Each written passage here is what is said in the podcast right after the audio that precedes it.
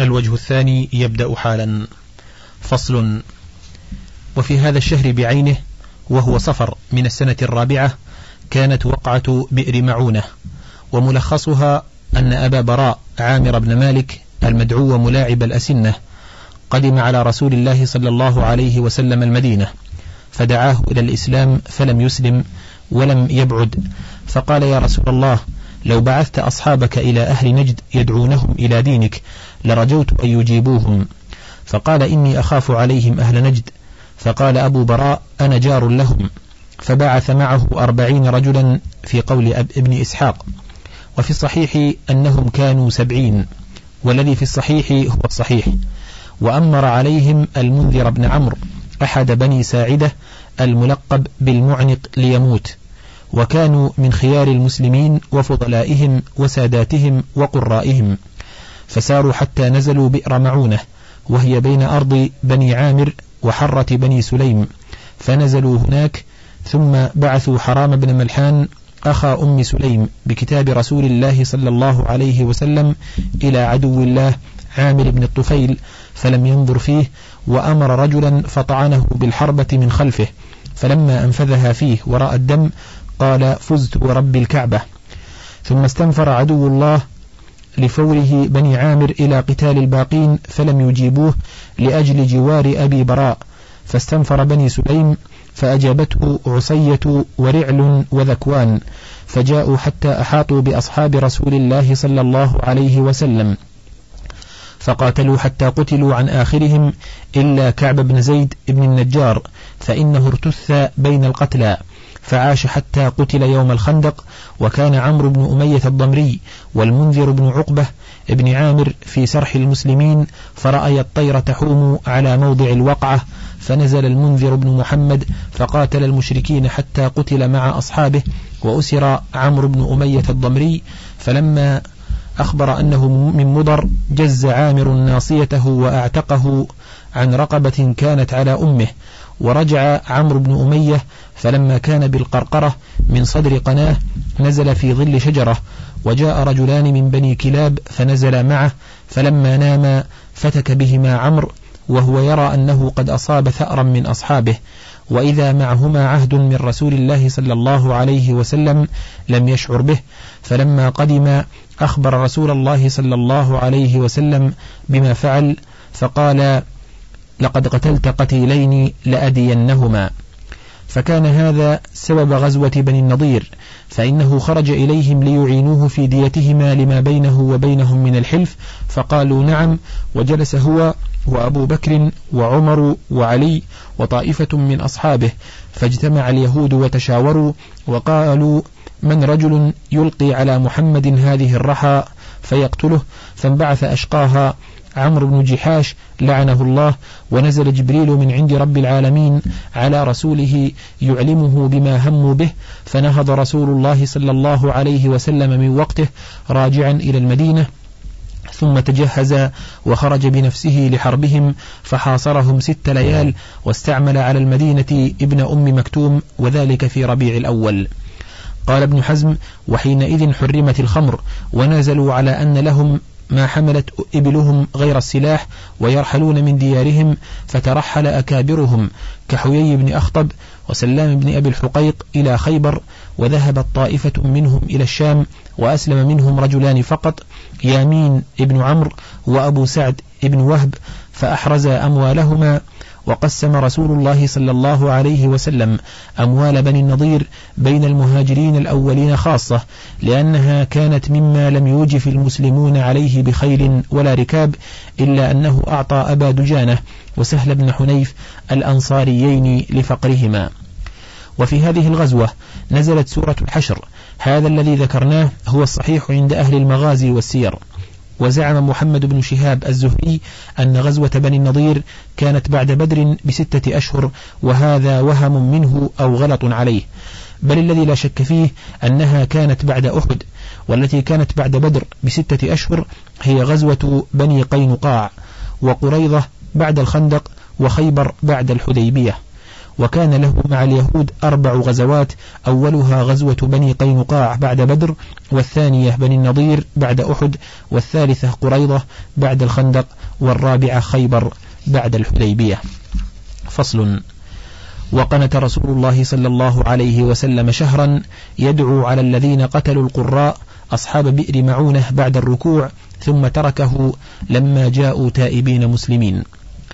فصل. ثم غزا رسول الله صلى الله عليه وسلم بنفسه غزوة ذات الرقاع وهي غزوة نجد فخرج في جماد الأولى من السنة الرابعة وقيل في المحرم يريد محارب وبني ثعلبة ابن سعد بن غطفان واستعمل على المدينة أبا ذر الغفاري وقيل عثمان بن عفان وخرج في أربعمائة من أصحابه وقيل سبعمائة فلقي جمعا من غطفان فتواقفوا ولم يكن بينهم قتال إلا أنه صلى بهم يومئذ صلاة الخوف. هكذا قال ابن إسحاق وجماعة من أهل السير والمغازي في تاريخ هذه الغزاة وصلاة الخوف بها وتلقاه الناس عنهم وهو مشكل جدا فإنه قد صح أن المشركين حبسوا رسول الله صلى الله عليه وسلم يوم الخندق عن صلاة العصر حتى غابت الشمس. وفي السنن ومسند أحمد والشافعي رحمهما الله أنهم حبسوه عن صلاة الظهر والعصر والمغرب والعشاء فصلاهن جميعا. وذلك قبل نزول صلاة الخوف والخندق بعد ذات الرقاع سنة خمس. والظاهر أن النبي صلى الله عليه وسلم أول صلاة صلاها للخوف بعسفان كما قال أبو عياش الزرقي كنا مع النبي صلى الله عليه وسلم بعسفان فصلى بنا الظهر وعلى المشركين يومئذ خالد بن الوليد. فقالوا لقد أصبنا منهم غفلة. ثم قالوا إن لهم صلاة بعد هذه هي أحب إليهم من أموالهم وأبنائهم. فنزلت صلاة الخوف بين الظهر والعصر فصلى بنا العصر ففرقنا فرقتين وذكر الحديث رواه أحمد وأهل السنن. وقال أبو هريرة كان رسول الله صلى الله عليه وسلم نازلا بين ضجنان وعسفان محاصرا للمشركين. فقال المشركون إن لهؤلاء صلاة هي أحب إليهم من أبنائهم وأموالهم. أجمعوا أمركم ثم ميلوا عليهم ميلة واحدة.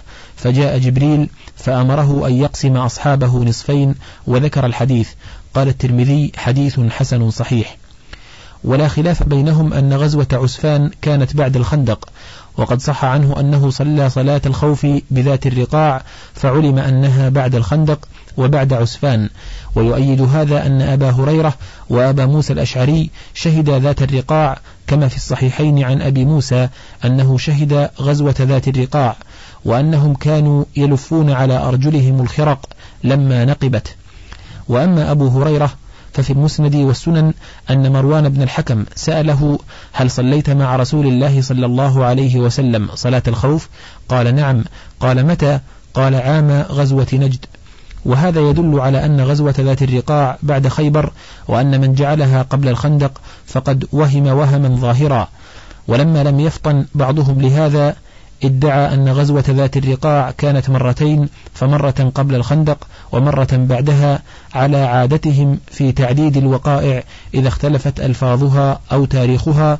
ولو صح لهذا القائل ما ذكره ولا يصح لم يمكن أن يكون قد صلى بهم صلاة الخوف في المرة الأولى لما تقدم من قصة عسفان وكونها بعد الخندق. ولهم أن يجيبوا عن هذا بأن تأخير يوم الخندق جائز غير منسوخ وأن في حالة المسايفة يجوز تأخير الصلاة إلى أن يتمكن من فعلها وهذا أحد القولين في مذهب أحمد رحمه الله وغيره لكن لا حيلة لهم في قصة عسفان أن أول صلاة صلاها للخوف بها وأنها بعد الخندق. فالصواب تحويل غزوة ذات الرقاع من هذا الموضع إلى ما بعد الخندق بل بعد خيبر. وإنما ذكرناها هنا تقليدا لأهل المغازي والسير ثم تبين لنا وهمهم وبالله التوفيق. ومما يدل على أن غزوة ذات الرقاع بعد الخندق ما رواه مسلم في صحيحه. عن جابر قال أقبلنا مع رسول الله صلى الله عليه وسلم حتى إذا كنا بذات الرقاع قال كنا إذا أتينا على شجرة ظليلة تركناها لرسول الله صلى الله عليه وسلم.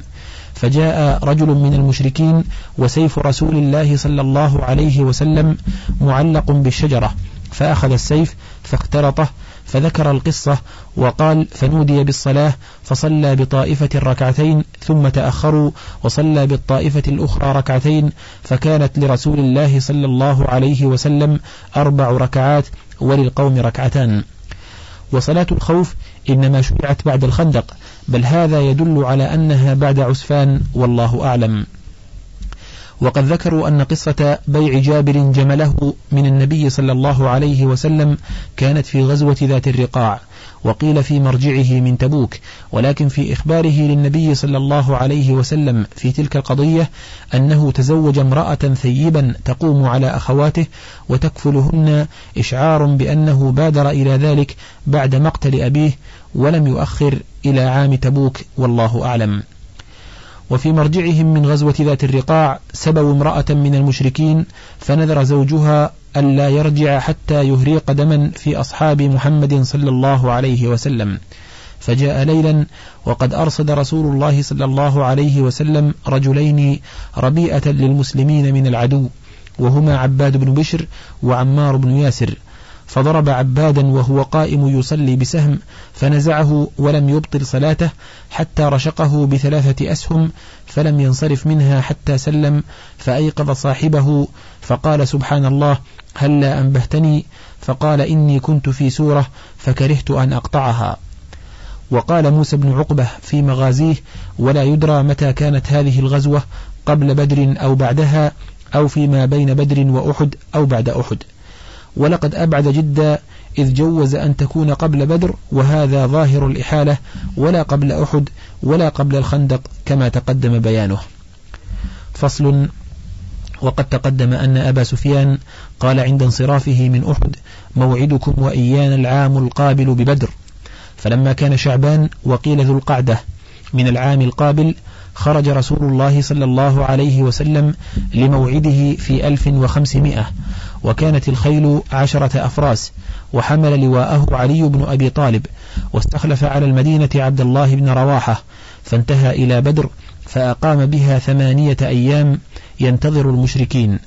وخرج أبو سفيان بالمشركين من مكة وهم ألفان ومعهم خمسون فرسا. فلما انتهوا إلى مر الظهران على مرحلة من مكة قال لهم أبو سفيان إن العام عام جدب وقد رأيت أني أرجع بكم فانصرفوا راجعين وأخلفوا الموعد فسميت هذه بدر الموعد وتسمى بدر الثانية. فصل في غزوة دومة الجندل. وهي بضم الدال وأما دومة بالفتح فمكان آخر. خرج إليها رسول الله صلى الله عليه وسلم في ربيع الأول سنة خمس وذلك أنه بلغه أن بها جمعا كثيرا يريدون أن يدنوا من المدينة وبينها وبين المدينة خمس عشرة ليلة وهي من دمشق على خمس ليال.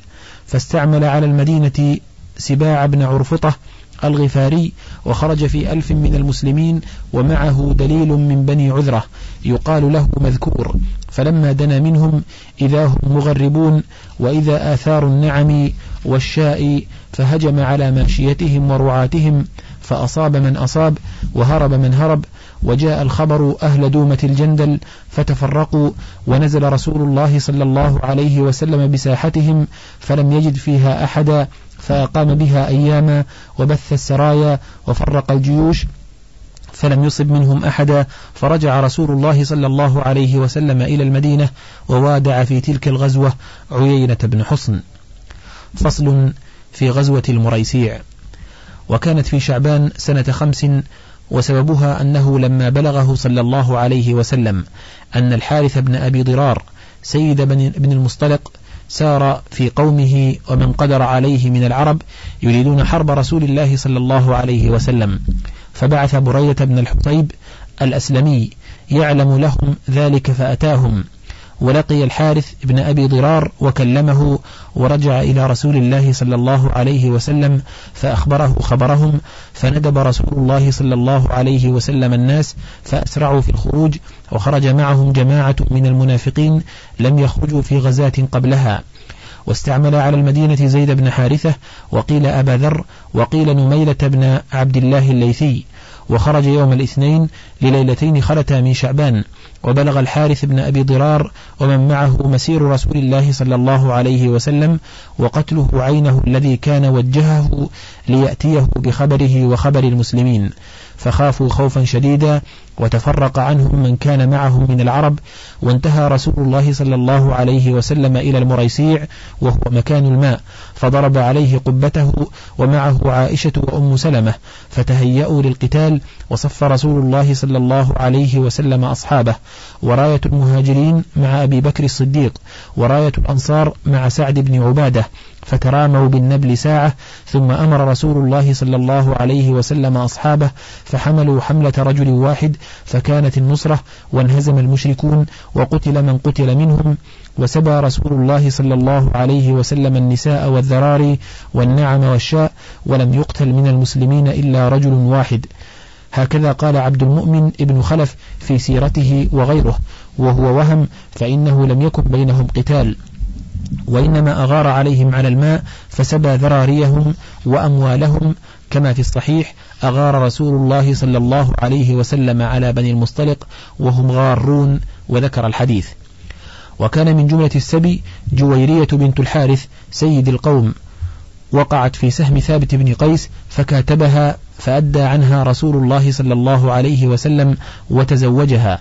فأعتق المسلمون بسبب هذا التزويج مئة أهل بيت, بيت من بني المصطلق قد أسلموا وقالوا أصهار رسول الله صلى الله عليه وسلم. قال ابن سعد وفي هذه الغزوة سقط عقد لعائشة فاحتبسوا على طلبه فنزلت آية التيمم. وذكر الطبراني في معجمه من حديث محمد بن إسحاق عن يحيى بن عباد بن عبد الله بن الزبير عن أبيه عن عائشة قالت ولما كان من أمر عقدي ما كان قال أهل الإفك ما قالوا فخرجت مع النبي صلى الله عليه وسلم في غزاة أخرى فسقط أيضا عقدي حتى حبس التماسه الناس ولقيت من أبي بكر ما شاء الله وقال لي يا بنية في كل سفر تكونين عناء وبلاء وليس مع الناس ماء فأنزل الله الرخصة في التيمم. وهذا يدل على أن قصة العقد التي نزل التيمم لأجلها بعد هذه الغزوة وهو الظاهر. ولكن فيها كانت قصة الإفك بسبب فقد العقد والتماسه فالتبس على بعضهم إحدى القصتين بالأخرى ونحن نشير إلى قصة الإفك. وذلك أن عائشة رضي الله عنها كانت قد خرج بها رسول الله صلى الله عليه وسلم معه في هذه الغزوة بقرعة أصابتها. وكانت تلك عادته مع نسائه. فلما رجعوا من الغزوة نزلوا في بعض المنازل فخرجت عائشة لحاجتها. ثم رجعت ففقدت عقدا لأختها كانت أعارتها إياه فرجعت تلتمسه في الموضع الذي فقدته فيه فجاء النفر الذين كانوا يرحلون هودجها فظنوها فيه فحملوا الهودج ولا ينكرون خفته لأنها رضي الله عنها كانت فتية السن لم يغشها اللحم الذي كان يثقلها. وأيضا فإن النفر لما تساعدوا على حمل الهودج لم ينكروا خفته ولو كان الذي حمله واحدا أو اثنين لم يخف عليهما الحال. فرجعت عائشة إلى منازلهم وقد أصابت العقد فإذا ليس بها داع ولا مجيب. فقعدت في المنزل وظنت أنهم سيفقدونها فيرجعون في طلبها والله غالب على أمره يدبر الأمر فوق عرشه كما يشاء. فغلبتها عيناها فنامت. فلم تستيقظ إلا بقول صفوان بن المعطل إنا لله وإنا إليه راجعون زوجة رسول الله صلى الله عليه وسلم. وكان صفوان قد عرس في أخريات الجيش لأنه كان كثير النوم كما جاء عنه في صحيح أبي حاتم وفي السنن. فلما رآها عرفها وكان يراها قبل نزول الحجاب فاسترجع وأناخ راحلته فقربها إليها فركبتها. وما كلمها كلمة واحدة ولم تسمع منه إلا استرجاعه ثم سار بها يقودها حتى قدم بها وقد نزل الجيش في نحر الظهيرة فلما رأى ذلك الناس تكلم كل منهم بشاكلته وما يليق به ووجد الخبيث عدو الله ابن أبي متنفسا فتنفس من كرب النفاق والحسد الذي بين ضلوعه فجعل يستحكي الإفك ويستوشيه ويشيعه ويذيعه ويجمعه ويفرقه وكان أصحابه يتقربون به إليه. فلما قدموا المدينة أفاض أهل الإفك في الحديث ورسول الله صلى الله عليه وسلم ساكت لا يتكلم. ثم استشار أصحابه في فراقها فأشار عليه علي رضي الله عنه أن يفارقها ويأخذ غيرها تلويحا لا تصريحا وأشار عليه أسامة وغيره بإمساكها وألا يلتفت إلى كلام الأعداء فعلي لما رأى أن ما قيل مشكوك فيه أشار بترك الشك والريبة إلى اليقين ليتخلص رسول الله صلى الله عليه وسلم من الهم والغم الذي لحقه من كلام الناس فأشار بحسم الداء وأسامة لما علم حب رسول الله صلى الله عليه وسلم لها ولأبيها وعلم من عفتها وبراءتها وحصانتها وديانتها ما هي فوق ذلك وأعظم منه وعرف من كرامة رسول الله صلى الله عليه وسلم على ربه ومنزلته عنده ودفاعه عنه أنه لا يجعل ربة بيته وحبيبته من النساء وبنت صديقه بالمنزلة التي أنزلها به أرباب الإفك وأن رسول الله صلى الله عليه وسلم أكرم على ربه وأعز عليه من أن يجعل تحته امرأة بغية وعلم أن الصديقة حبيبة رسول الله صلى الله عليه وسلم أكرم على ربها من أن يبتليها بالفاحشة وهي تحت رسوله ومن قويت معرفته لله ومعرفته لرسوله وقدره عند الله في قلبه. قال كما قال أبو أيوب وغيره من سادات الصحابة لما سمعوا ذلك سبحانك هذا بهتان عظيم. وتأمل ما في تسبيحهم لله وتنزيههم له في هذا المقام من المعرفة به وتنزيهه عما لا يليق به أن يجعل لرسوله وخليله وأكرم الخلق عليه امرأة خبيثة بغية فمن ظن به سبحانه هذا الظن فقد ظن به ظن السوء وعرف أهل المعرفة بالله ورسوله أن المرأة الخبيثة لا تليق إلا بمثلها كما قال تعالى الخبيثات للخبيثين فقطعوا قطعا لا يشكون فيه أن هذا بهتان عظيم وفرية ظاهرة. فإن قيل فما بال رسول الله صلى الله عليه وسلم توقف في أمرها وسأل عنها وبحث واستشار وهو أعرف بالله وبمنزلته عنده وبما يليق به وهلا قال سبحانك هذا بهتان عظيم كما قال فضلاء الصحابة.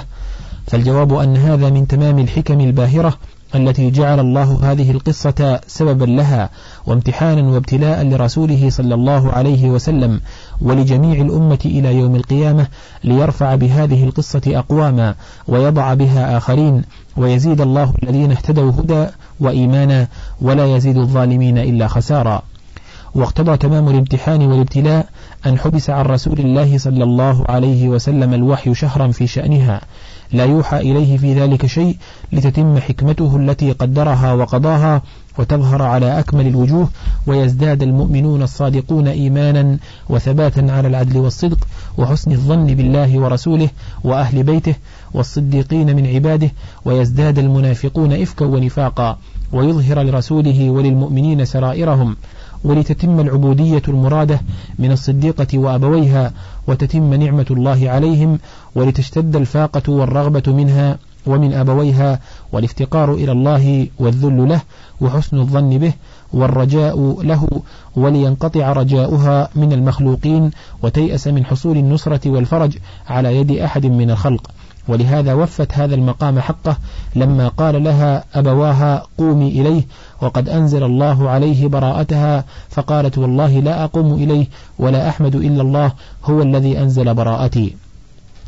وأيضا فكان من حكمة حبس الوحي شهرا أن القضية محصت وتمحضت واستشرفت قلوب المؤمنين أعظم استشراف إلى ما يوحيه الله إلى رسوله فيها وتطلعت إلى ذلك غاية التطلع فوافى الوحي أحوج ما كان إليه رسول الله صلى الله عليه وسلم وأهل بيته والصديق وأهله وأصحابه والمؤمنون فورد عليهم ورود الغيث على الأرض أحوج ما كانت إليه فوقع منهم أعظم موقع وألطفه وسروا به أتم السرور وحصل لهم به غاية الهناء فلو اطلع الله ورسوله أطلع الله رسوله على حقيقة الحال من أول وهلة وأنزل الوحي على الفور بذلك لفاتت هذه الحكم وأضعافها بل أضعاف أضعافها.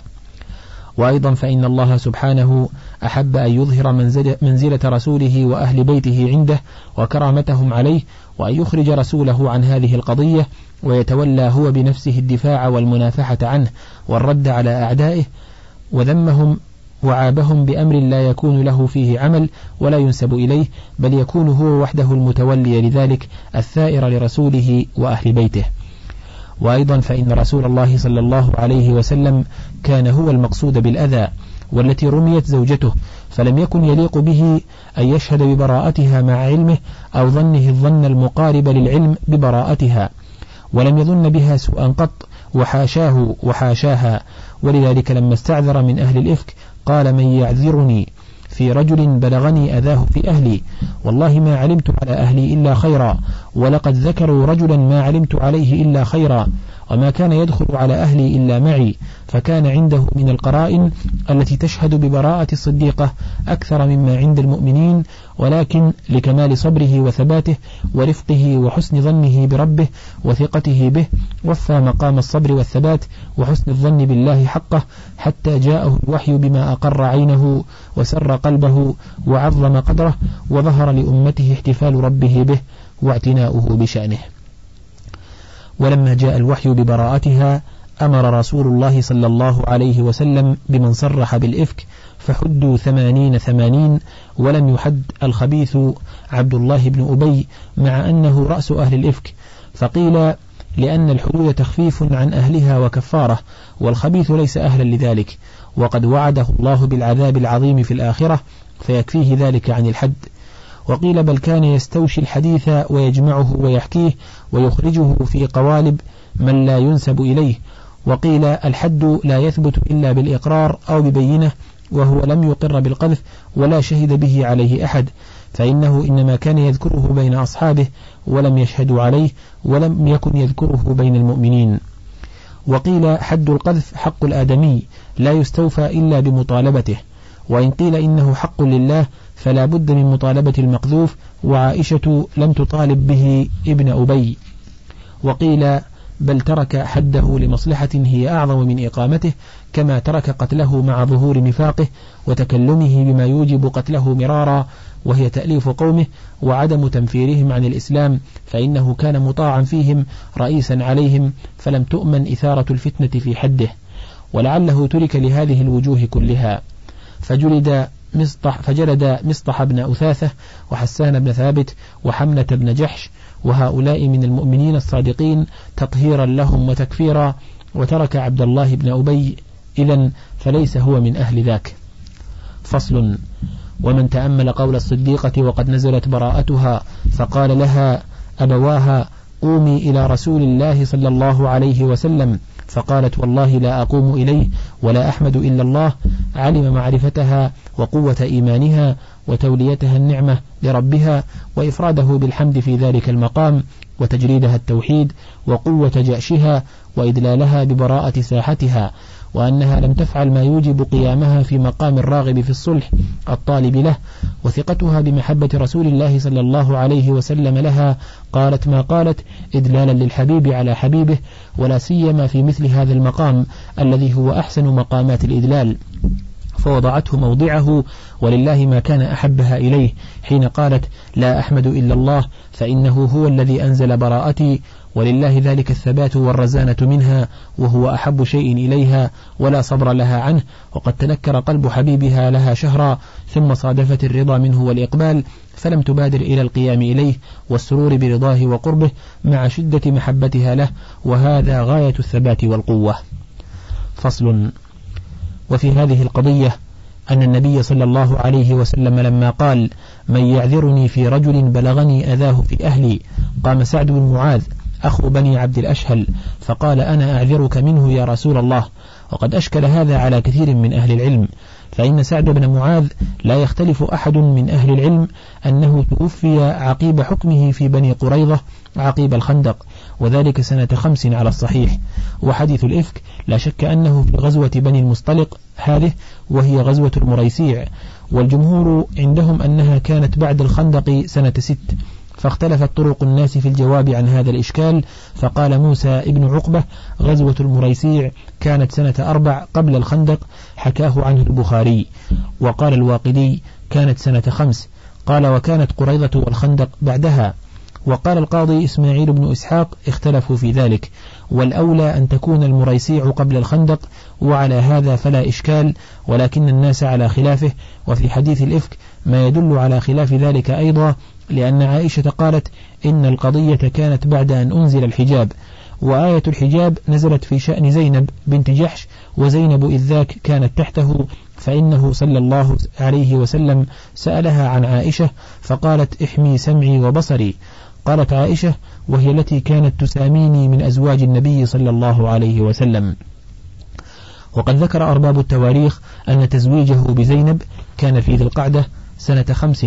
وعلى هذا فلا يصح قول موسى ابن عقبة وقال محمد بن إسحاق إن غزوة بني المصطلق كانت في سنة ست بعد الخندق وذكر فيها حديث الإفك إلا أنه قال عن الزهري عبيد الله ابن عبد الله بن عتبة عن عائشة فذكر الحديث فقال فقام أسيد بن الحضير فقال أنا أعذرك منه فرد عليه سعد بن عبادة ولم يذكر سعد بن معاذ قال أبو محمد بن حزم وهذا هو الصحيح الذي لا شك فيه. وذكر سعد بن معاذ لأن سعد بن معاذ مات إثر فتح بني قريظة بلا شك وكانت في آخر ذي القعدة من السنة الرابعة وغزوة بني المصطلق في شعبان من السنة السادسة بعد سنة وثمانية أشهر من موت سعد. وكانت المقاولة بين الرجلين المذكورين بعد الرجوع من غزوة بني المصطلق بأزيد من خمسين ليلة. قلت الصحيح أن الخندق كان في سنة خمس كما سيأتي. فصل. ومما وقع في حديث الإفك أن في بعض طرق البخاري عن أبي وائل عن مسروق قال سألت أم رومان رومان عن حديث الإفك فحدثتني قال غير واحد وهذا غلط ظاهر. فإن أم رومان ماتت على عهد رسول الله صلى الله عليه وسلم. ونزل رسول الله صلى الله عليه وسلم في قبرها وقال من سره أن ينظر إلى امرأة من الحور العين فلينظر إلى هذه. قالوا ولو كان مسروق قدم المدينة في حياتها وسألها للقي رسول الله صلى الله عليه وسلم وسمع منه ومسروق إنما قدم المدينة بعد موت رسول الله صلى الله عليه وسلم. قالوا وقد روى مسروق عن أم رومان حديثا غير هذا.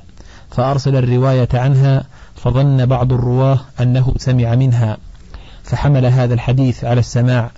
قالوا ولعل مسروقا قال سألت أم رومان فتصحفت على بعضهم سألت لأن من الناس من يكتب الهمزة بالألف على كل حال وقال آخرون كل هذا لا يرد الرواية الصحيحة التي أدخلها البخاري في صحيحه وقد قال إبراهيم الحربي وغيره إن مسروقا سألها وله خمس عشرة سنة ومات وله ثمان, وله ثمان وسبعون سنة. وأم رومان أقدم من حدث عنه. قالوا وأما حديث موتها في حياة رسول الله صلى الله عليه وسلم ونزوله في قبرها فحديث لا يصح وفيه علتان تمنعان صحته. إحداهما رواية علي بن زيد بن جدعان له وهو ضعيف الحديث لا يحتج بحديثه. والثانية أنه رواه عن القاسم بن محمد عن النبي صلى الله عليه وسلم والقاسم لم يدرك زمن رسول الله صلى الله عليه وسلم فكيف يقدم على على هذا من حديث إسناده كالشمس؟ يرويه البخاري في صحيحه ويقول فيه مسروق سألت أم رومان فحدثتني وهذا يرد أن يكون اللفظ سئلت. وقد قال أبو نعيم في كتابه معرفة الصحابة قد قيل إن أم رومان توفيت في عهد رسول الله صلى الله عليه وسلم وهو وهم. فصل.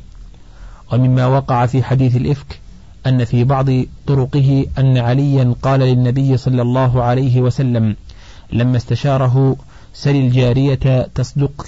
فدعا بريرة فسألها فقالت ما علمت عليها إلا ما يعلم الصائغ على التبر أو كما قالت وقد استشكل هذا فإن بريرة إنما كانت كاتبت وعتقت بعد هذا بمدة طويلة وكان العباس عم رسول الله صلى الله عليه وسلم إذ ذاك في المدينة والعباس إنما قدم المدينة بعد الفتح ولهذا قال له النبي صلى الله عليه وسلم وقد شفع إلى بريرة أن تراجع من زوجها فأبت أن تراجعه يا عباس ألا تعجب من بغض بريرة مغيثا وحبه لها؟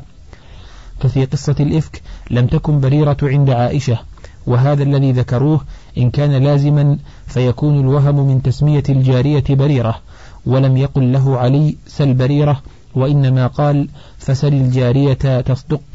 فظن بعض الرواة أنها بريرة فسماها بذلك وإن لم يلزم بأن يكون طلب مغيث لها استمر إلى بعد الفتح ولم ييأس منها زال الإشكال والله أعلم. فصل. وفي مرجعهم من هذه الغزوة قال رأس المنافقين ابن أبي لئن رجعنا إلى المدينة ليخرجن الأعز منها الأذل فبلغها زيد بن أرقم رسول الله صلى الله عليه وسلم. وجاء ابن أبي يعتذر ويحلف ما قال فسكت عنه رسول الله صلى الله عليه وسلم فأنزل الله تصديق زيد في سورة المنافقين فأخذ النبي صلى الله عليه وسلم بأذنه فقال أبشر فقد صدقك الله ثم قال هذا الذي وفى لله بإذنه.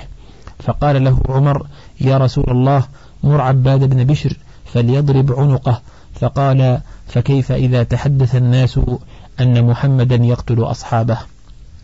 فصل في غزوة الخندق. وكانت في سنة خمس من الهجرة في شوال على أصح القولين إذ لا خلاف أن أحدا كانت في شوال سنة ثلاث.